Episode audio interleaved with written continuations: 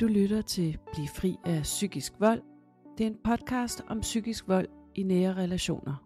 Mit navn er Anne-Katrine Blevad. Jeg er psykolog og specialiserer mig i psykisk vold og gaslighting.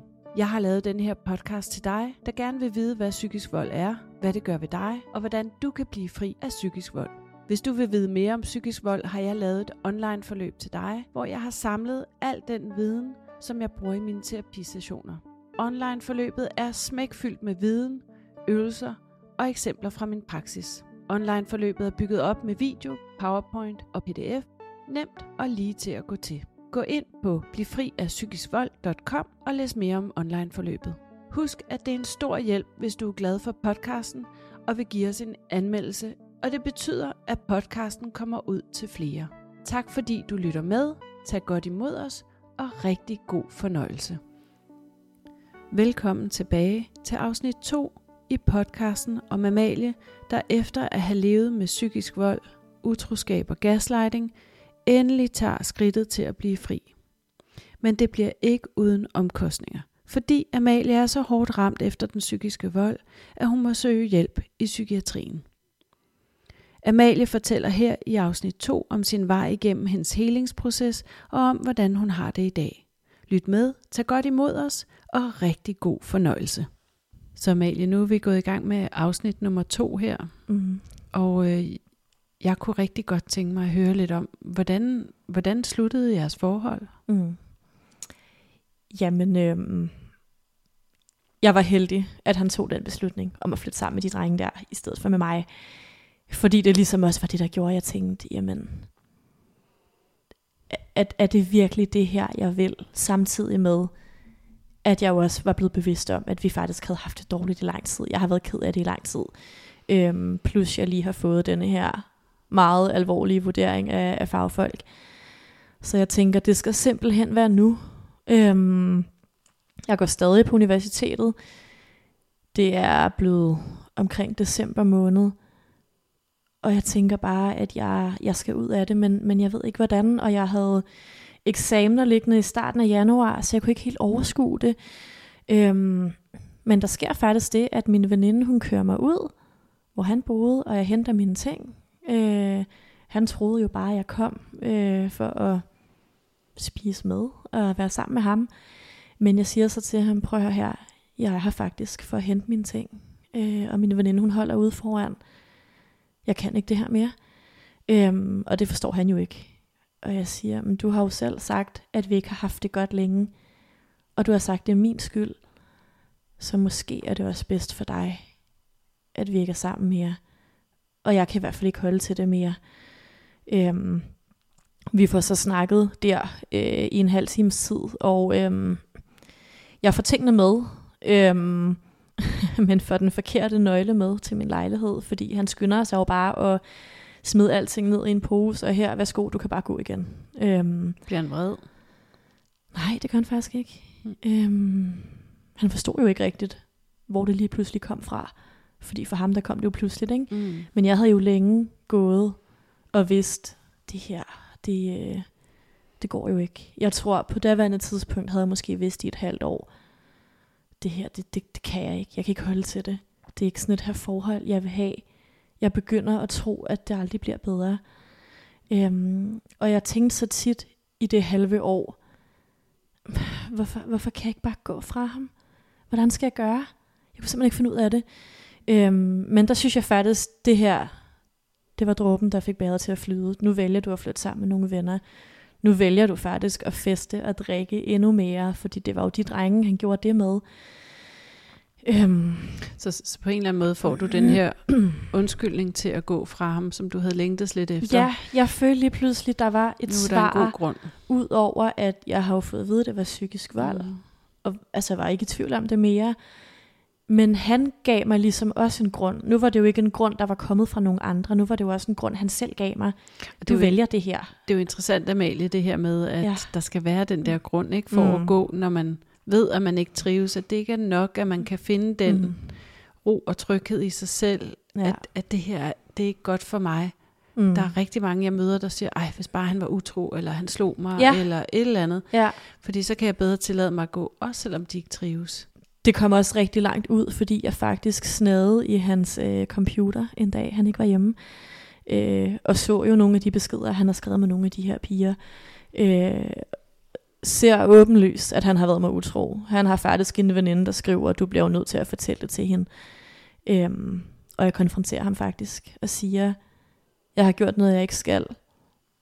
Men jeg har simpelthen brug for en grund til, at det her ikke skal gå mere, fordi jeg kan ikke mere, og hvad fanden er det her?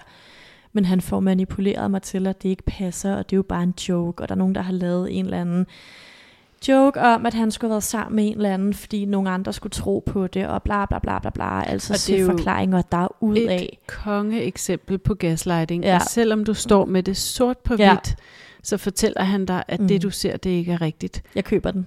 Jeg stoler ikke på ham. Jeg ved, han har gjort det, men jeg køber de der søforklaringer og tænker, okay, øh, jeg, jeg tror sgu ikke helt på det, men, men han siger, at han elsker mig. Ej, jeg, jeg, jeg ved faktisk ikke helt rationelt, hvad jeg tænkte. Altså, det, det, det ved jeg virkelig ikke. Øh, jeg tænkte i hvert fald ikke, nu er det fandme slut. Øh, jeg tænkte, jeg vil, jeg vil ønske, at jeg kunne gå, men det kan jeg bare ikke. Øh, men jeg, ja, jeg ledte efter et svar, og jeg kan huske, at jeg blev ved med at sige til ham, hvis du har været med utro, vil du så ikke gerne sige det? Jeg skal nok tilgive det. Og jeg ville faktisk ikke tilgive det. Jeg ville bare have ham til at sige det. Sådan, så jeg havde mit svar. Det er derfor, jeg går. Fordi mm. du har været med utro. Men han indrømmede det jo aldrig. Øhm, Hvad tænker du om det i dag, det der med, sådan, ej, jeg havde sådan brug for et svar for at mm. kunne ligesom retfærdiggøre, at Ja. jeg ville slå op med min kæreste. Mm. Hvad tænker du om det i dag? Jeg synes jo, det er helt vildt, at jeg har stået der. Jeg er ked af, at jeg har stået der. Øh, jeg vil aldrig stå der i dag. Altså i dag, der står jeg jo heldigvis et langt bedre sted. I dag, der er det jo nok for mig at mærke, at det her, det, det vil jeg ikke være med til. Det falder uden for mine værdier. Jeg vil ikke gå og, og føle mig så usikker og føle, at jeg ikke bliver behandlet, som jeg ved, jeg fortjener. Så i dag, der vil det være nok for mig at ligesom vide, at det her, det, det kan jeg bare ikke byde mig selv igen. Mm. Så i dag vil det være rigeligt. Jeg har ikke brug for det der svar mere.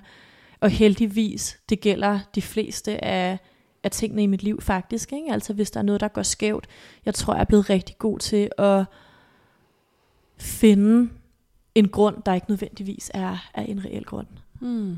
Men Så ligesom det er bare vide- mærke i dig selv, det, ja, det her, ligesom det have ikke. troen på, at det her, det sker sgu nok af en eller anden årsag, og når jeg egentlig mærker efter, er det så egentlig ikke måske Mm. okay alligevel. Så det handler jo Øhm. om at lytte til sig selv, ikke?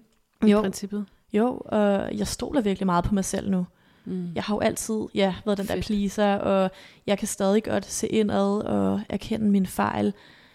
Men jeg kan heldigvis også mærke, hvornår jeg skal holde fast i, at prøv at høre her, det her, det står jeg ved. Det står jeg ved. Mm. Fordi det må jeg gerne, det er mine Mm. mm. følelser, det er ikke okay at behandle mig sådan. Mm. Godt. Ej, hvor er det godt at høre. Mm. Så dejligt at være kommet hertil. Ja, det kan jeg godt forstå. Og det, det er jo sikkert ikke kommet uden hårdt arbejde. Og, Nej.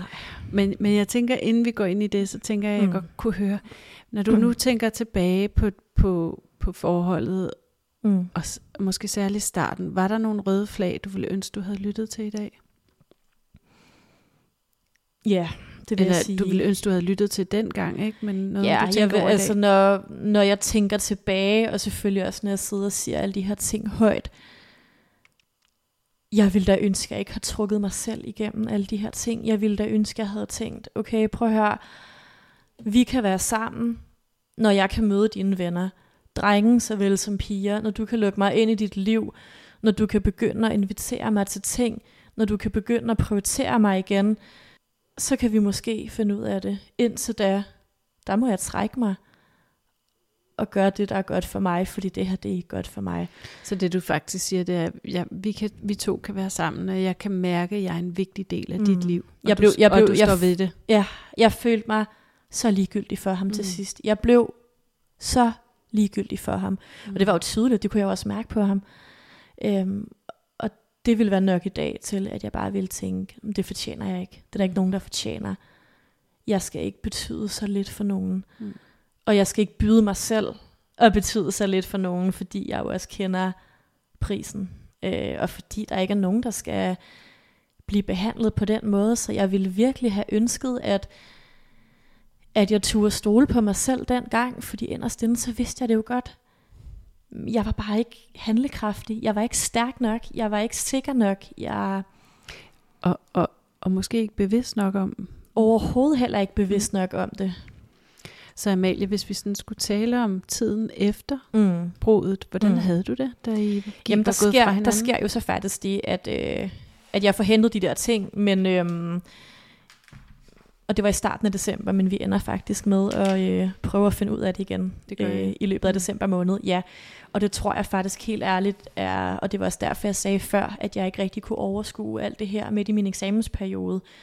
For jeg kan faktisk huske, at jeg mærker, det her, det, det kan jeg ikke lige nu.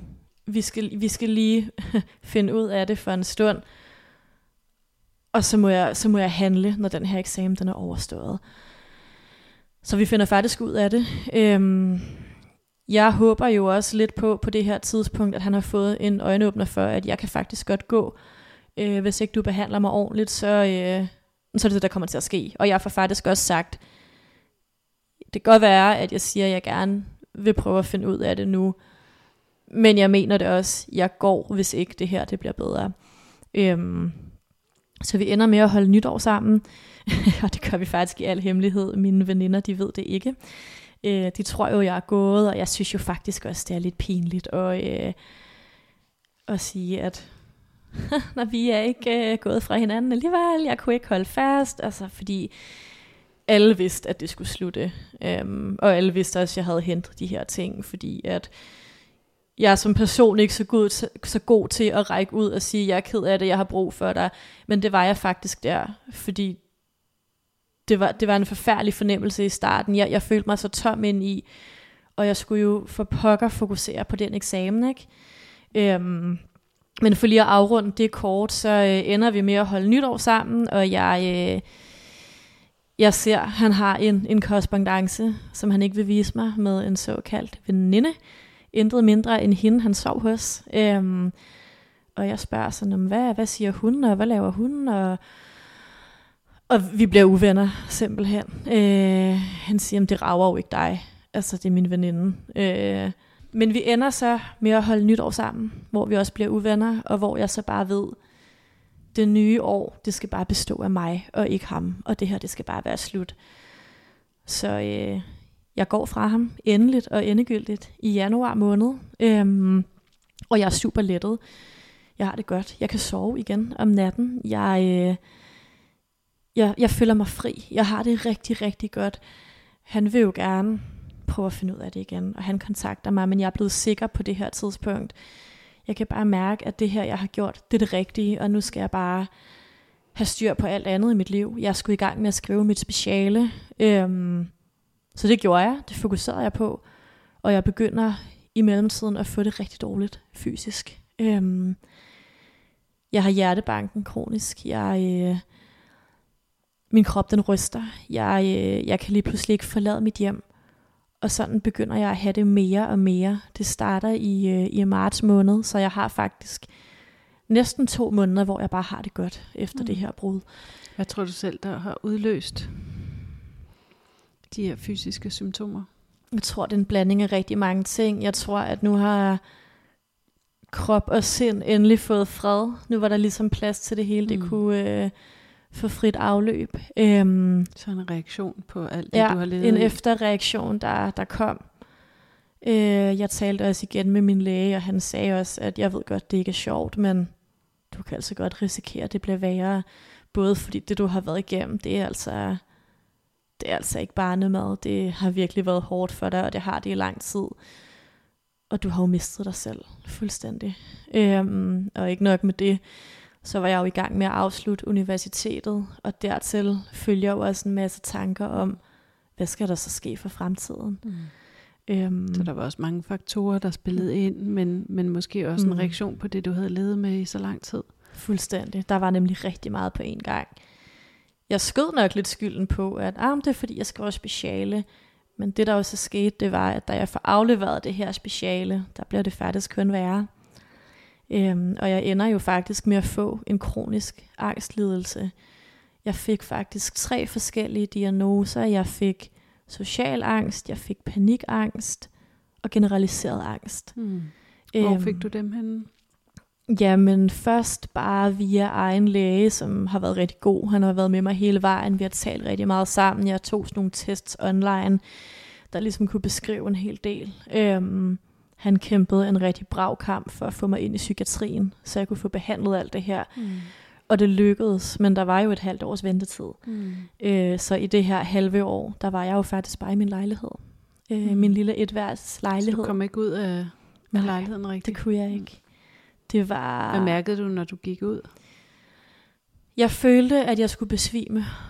Mm. Altid. Jeg, øhm, jeg følte ikke, at jeg kunne se noget. Jeg følte, at, jeg følte, at jorden den snorede, og jeg følte, at, at det, jeg så foran mig, det også snorede. Jeg, jeg ved faktisk også, at jeg, altså, jeg fik jo funktionelle lidelser. Jeg kunne ikke gå ordentligt. Jeg gik sådan og, øh, og vaklede mod venstre, og sådan følte, at jeg var ved at falde. Mm. Øhm, jeg var bare svimmel, jeg havde den der hjertebanken, det var som om, det var som om det bare var sløret op i mit hoved. Altså både sådan, både det jeg tænkte, og det jeg sådan følte, jeg så var sløret. Altså det hele, det var bare, øh, det var simpelthen så uhyggeligt. Hvad med den der sociale, udadvendte pige, som du altid har været? Hvad, hvad skete der med hende? Hun, øh, hun døde nok lidt for en stund. hun, øh, hun kom heldigvis tilbage, men... Øh, Isolerede du dig fra dine venner? Ja, og, ja, det gjorde jeg. I hele 2021, der var jeg faktisk bare i den her etværelseslejlighed. Jeg kunne ingenting. Jeg kunne ikke begå mig nogen steder. Jeg, øh, jeg handlede en gang om ugen. Heldigvis boede jeg tæt på en fakta, og øh, jeg handlede jo klokken 21, hvor der ikke var nogen mennesker. Var du bange for mennesker? Jeg var rigtig bange for at være i centrum og skabe unødig opmærksomhed, fordi jeg troede oprigtigt, at jeg skulle besvime når som helst. Og det ville jeg bare ikke risikere i Fakta, mm. eller på vej derover. Øhm, jeg ville ikke... Jeg, jeg, jeg, jeg vil ikke være, være til syne for andre. Jeg vil bare rigtig gerne kunne gemme mig. Øhm, hvad vil andre se? Ja, hvad vil andre se? En pige, der havde det dårligt. Mm faktisk i fysisk forstand. Ikke? Altså hvis jeg nu besvimede, så øh, det ville bare skabe så meget opmærksomhed, som jeg var bange for. Øhm, og det der med at stå i kø, det var seriøst det værste. Altså der havde det aller værst. Jeg kunne godt sådan meget fokuseret gå med mine øh, AirPods i ørerne, og sådan fortælle mig selv, nu går du derned, og så tager du noget mælk, og så går du derhen, og så tager du bum bum. Altså det var meget sådan planlagt, og jeg skulle sådan tale mig selv igennem de der handleture, hvis der var kø, det kunne jeg ikke. Altså, så gik jeg igen. Så lå mm. jeg varerne ligge, og så gik jeg igen. Og det var derfor, jeg handlede på det tidspunkt mm. øh, om aftenen. Det lyder meget sådan, som om for du har været meget forpint. Mm, fuldstændig. Ja. Jeg, jeg kunne virkelig ingenting. Hvad gjorde du fik det bedre? Faktisk min behandling i psykiatrien. Mm. Var jeg, det en angstpakke, du fik? Ja, det var det. Det var, det var gruppeterapi. Mm. Og jeg kan faktisk huske, at jeg tænkte, det gider jeg da ikke. Mm. Altså, hvad, jeg vil rigtig gerne have hjælp, jeg vil rigtig gerne i terapi, men jeg, vil, altså, jeg er da lidt ligeglad med andre. Mm. det var faktisk det, jeg tænkte, og det er jeg slet ikke som person, men jeg var bare så desperat og opsat på, at jeg skal have det bedre. Øhm, og jeg kan også huske, at jeg var så frustreret over det her med, at jeg er lige blevet kandidat, jeg er ledig, heldigvis for det, men der er jo også et system med en A-kasse der er, øh, og et jobcenter, der virkelig øh, altså, kimer mig ned, og særligt på det tidspunkt, og i Københavns Kommune, der var det ret slemt. Øhm, så der var jo folk, der hæv i mig, og jeg tænkte jo bare, jeg, jeg kan jo ikke. Øhm, og det var jo også en kamp, jeg skulle kæmpe, ikke? Mm. fordi der er jo ikke noget, der hedder mm. psykisk sygdom. Det hedder, mm, altså, jeg tror ikke bare lige, du skal tage dig lidt sammen og komme ud i et arbejde. Øhm, så jeg var ligesom hele tiden i kamp med, med den ene og med den anden faktorer, men, øhm, men ender så med at trække den ud, altså den her jobsituation, til at jeg lige akkurat når at starte i psykiatrien. Jeg får også øh, medicin mod angst, og øh, tror, der går en måned, så kommer jeg til jobsamtale, og jeg er ved at skide i bukserne til den her jobsamtale. Mm. Men jeg får sgu jobbet, Øh, og det er det job, Sejt. jeg har i dag. Ja. Og jeg, øh, jeg starter i december måned 21. Øhm, og øh, ja, har, ja, som sagt, jeg har været der lige siden, og jeg har klaret det så godt. Jeg har ikke, øhm, jeg har ikke mærket angst så meget siden da. Jeg stoppede faktisk også min behandling før tid, fordi de sagde til mig i psykiatrien, at du må rigtig gerne fuldføre det, men vi kan ikke hjælpe dig mere. Mm. Fordi de ting, vi begyndte at gøre i gruppeterapien, som var at eksponere os selv for ting, vi gjorde ting i praksis, vi skulle ud og tage bussen, og vi skulle ud og gå ind i Føtex for eksempel, og gå på gaden med masser af mennesker. Vi skulle mm. gøre alle de her ting og være i det. Mm. Ja, det var jeg faktisk allerede begyndt på, mm. øhm, fordi medicinen fik bare en helt fantastisk virkning på mig. Mm. Øhm, den angst, har du haft angst tidligere, eller altså, var det genkendeligt? Eller? Jeg har førhen haft stress relateret mm. angst mm. i forbindelse med mine øh, meget pressede eksamenssituationer på, øh, på universitetet. Men det er altid gået over igen. Øhm, altid. Jeg har aldrig haft kronisk angst før. Jeg har altid, apropos det her lighedstegn, jeg har søgt hele mit liv, jeg har ligesom altid kunne sætte ting i relation med hinanden. Når mm. men jeg havde angst, fordi og lige så snart det her, fordi som for eksempel en eksamenssituation, det ligesom var overstået, jamen så var angsten også overstået. Mm. Nå, men det var derfor. Mm. Øh, men det her, det fortsatte jo bare, og det blev værre.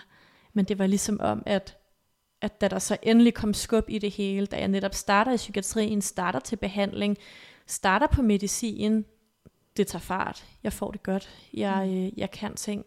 Jeg blev på en eller anden måde tvunget til ting også, ikke? i og med, at jeg får tilbudt det her job, og hvorfor skulle jeg sige nej til det? Mm. Øhm, så er du ude af din angst, altså har du ikke, mærker du ikke din angst mere? Det gør jeg faktisk ikke. Mm. Får du stadig medicin? Ja, mm. og jeg skal faktisk, øh, jeg har lige talt med min læge om at trappe ned, og mm. jeg føler mig så klar på det. Øh, nu har jeg taget medicinen i cirka halvandet år. Jeg har været funktionel, som jeg kalder det, i øh, halvandet år, hvor at jeg har, jeg har været i det her job, og øh, fået mit sociale jeg igen. Jeg tager til koncerter. Det troede jeg faktisk ikke, jeg kunne igen. Øhm, jeg har også oplevet andre ting i livet, som har gjort mm. ondt, som jeg ikke er knækket på.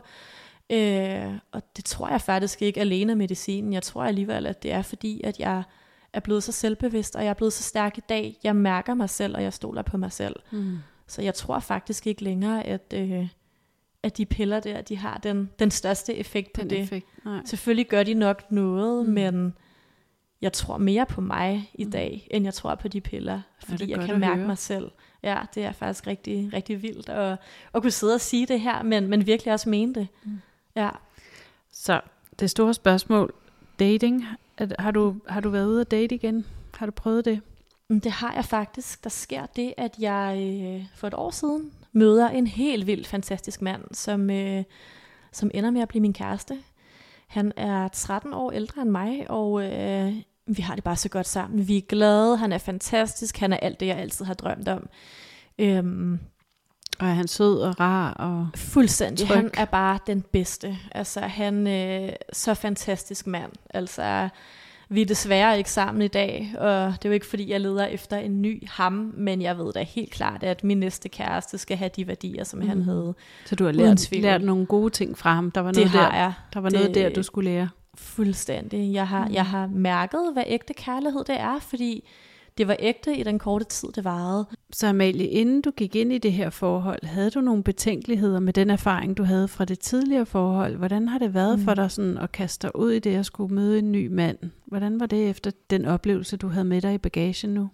jeg var rigtig bange. Jeg var bange for flere ting. Jeg var bange for, jeg var bange for at ende i et dårligt forhold igen, først og fremmest. Fordi jeg jo har set, hvordan et forhold kunne være rigtig godt i starten, og hvordan det så kunne udvikle sig til at blive rigtig dårligt. Og jeg ville ligesom være rigtig bekymret for, at jeg ikke har lært lektion. Vil jeg kunne se de faresignaler og røde flag? Vil jeg kunne handle på det?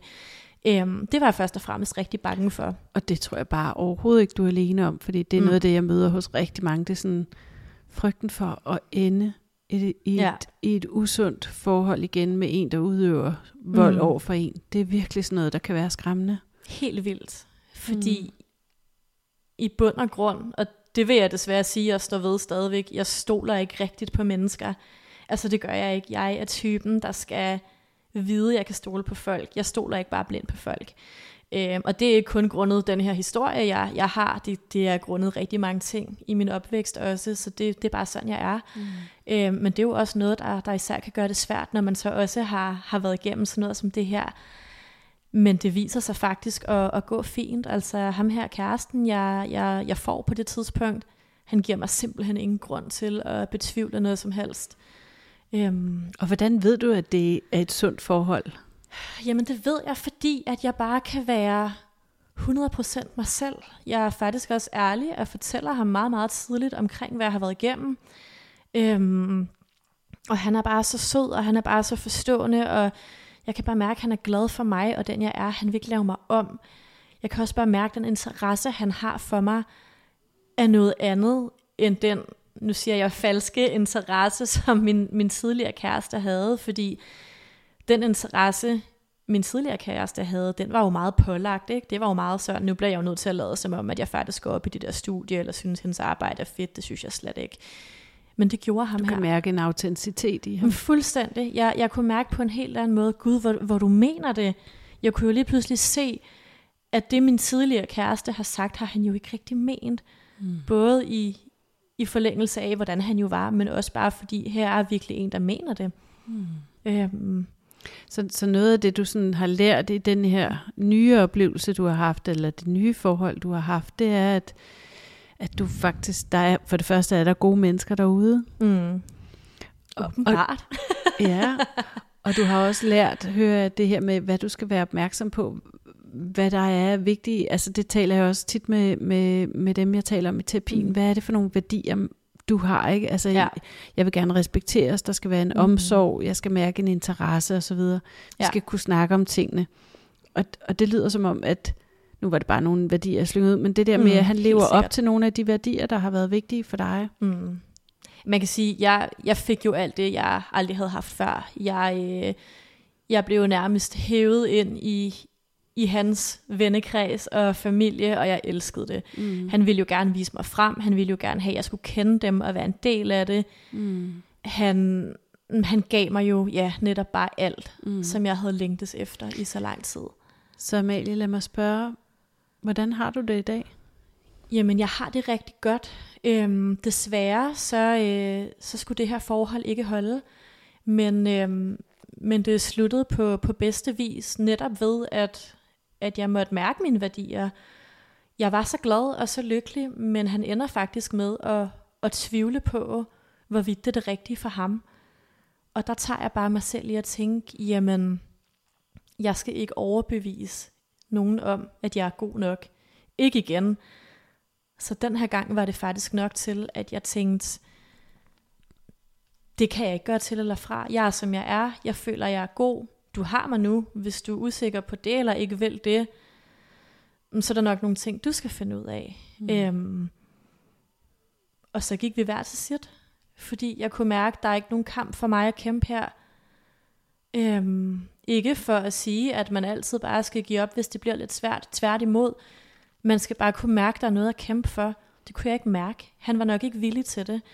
Øhm, og det alene har så gjort, at jeg tænkte, jamen, mm, så må jeg gå ud og, og være mig, fordi det ved jeg, jeg er god til. Øhm, der gik jo over et år mellem de to kærester her, så i det år, der har jeg jo virkelig også nået at, at arbejde med mig selv og med mit mindset, og med at finde ud af, hvem, hvem jeg egentlig er, og hvem jeg gerne vil være, og hvilke værdier jeg bare vildt gerne vil være sikker på, at jeg holder fast i. Og der er det her så en af dem. Mm. Og der kan jeg jo så glædeligt sige, at jeg har bevist, at jeg kender værdierne, men jeg handler også ud fra dem, mm. og jeg står ved dem, mm. og jeg har faktisk været glad lige siden. Så hvis, hvis, hvis du skulle give et godt råd til nogen, der er mm. i et forhold, hvor der er en, der udøver psykisk vold, mm. hvis du skulle give et godt råd til dit eget yngre jeg, hvad vil du så sige? Eller du må gerne give flere råd, men mm. hvad, hvad, hvad kunne være det vigtigt? Det allervigtigste, det er virkelig bare at stole på mavefornemmelsen, fordi jeg vidste jo godt i lang tid, at der var noget galt men jeg stolede ikke på mig selv. Øhm, og det tror jeg bare er noget af det aller, aller vigtigste. Hvis du føler noget, men så føler du det af en grund. Ja, ja, det kan godt være, at du er nærtagende, hvis det er det, du får at vide af din partner. Men hvis din partner synes det, og han ikke kan leve med, at du bliver ved med at blive ked af ting, som han gør, men er han så den rigtige? Og der vil mit svar i dag jo være nej, selvfølgelig er han da ikke det. Du skal stole på det, du føler, fordi det kommer et sted fra. Og så tror jeg også, det er vigtigt at mærke efter, hvem er det, jeg er sammen med? Er det en, der hører mig? Er det en, der godt vil vide, hvorfor jeg bliver ked af tingene, og gerne vil prøve at forbedre de her ting? Fordi det ville min ekskæreste jo ikke. Han smed jo bare alt skyld over på mig og sagde, det er jo bare dig, og det er jo også bare fordi. Mm. Og kom jo aldrig med den her undskyldende, ej, ved du hvad, jeg har tænkt over det, det var også mig. Altså aldrig nogensinde. Så jeg tror virkelig, det er vigtigt, at man for pokker har sig selv nærmest, stoler på sig selv, men virkelig også prøver at zone lidt ud og sådan med lidt mere objektive briller kigger på, hvad er det for et menneske, jeg er sammen med? Jeg mærker de her værdier. Har han også de her værdier?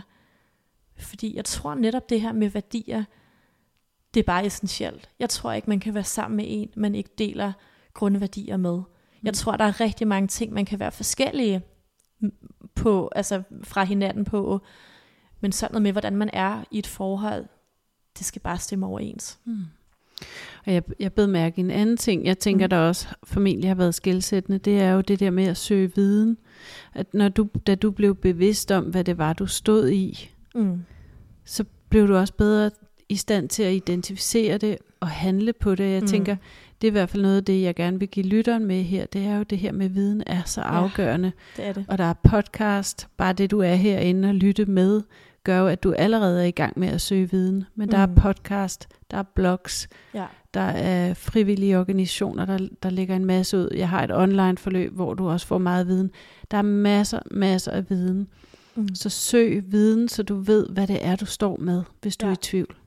Problemet er, at mange ved ikke, at de, hvad de, altså, at de har brug for den viden, for de Nej. ved ikke, hvad de står i. Nej, og det gør jeg jo heller ikke selv.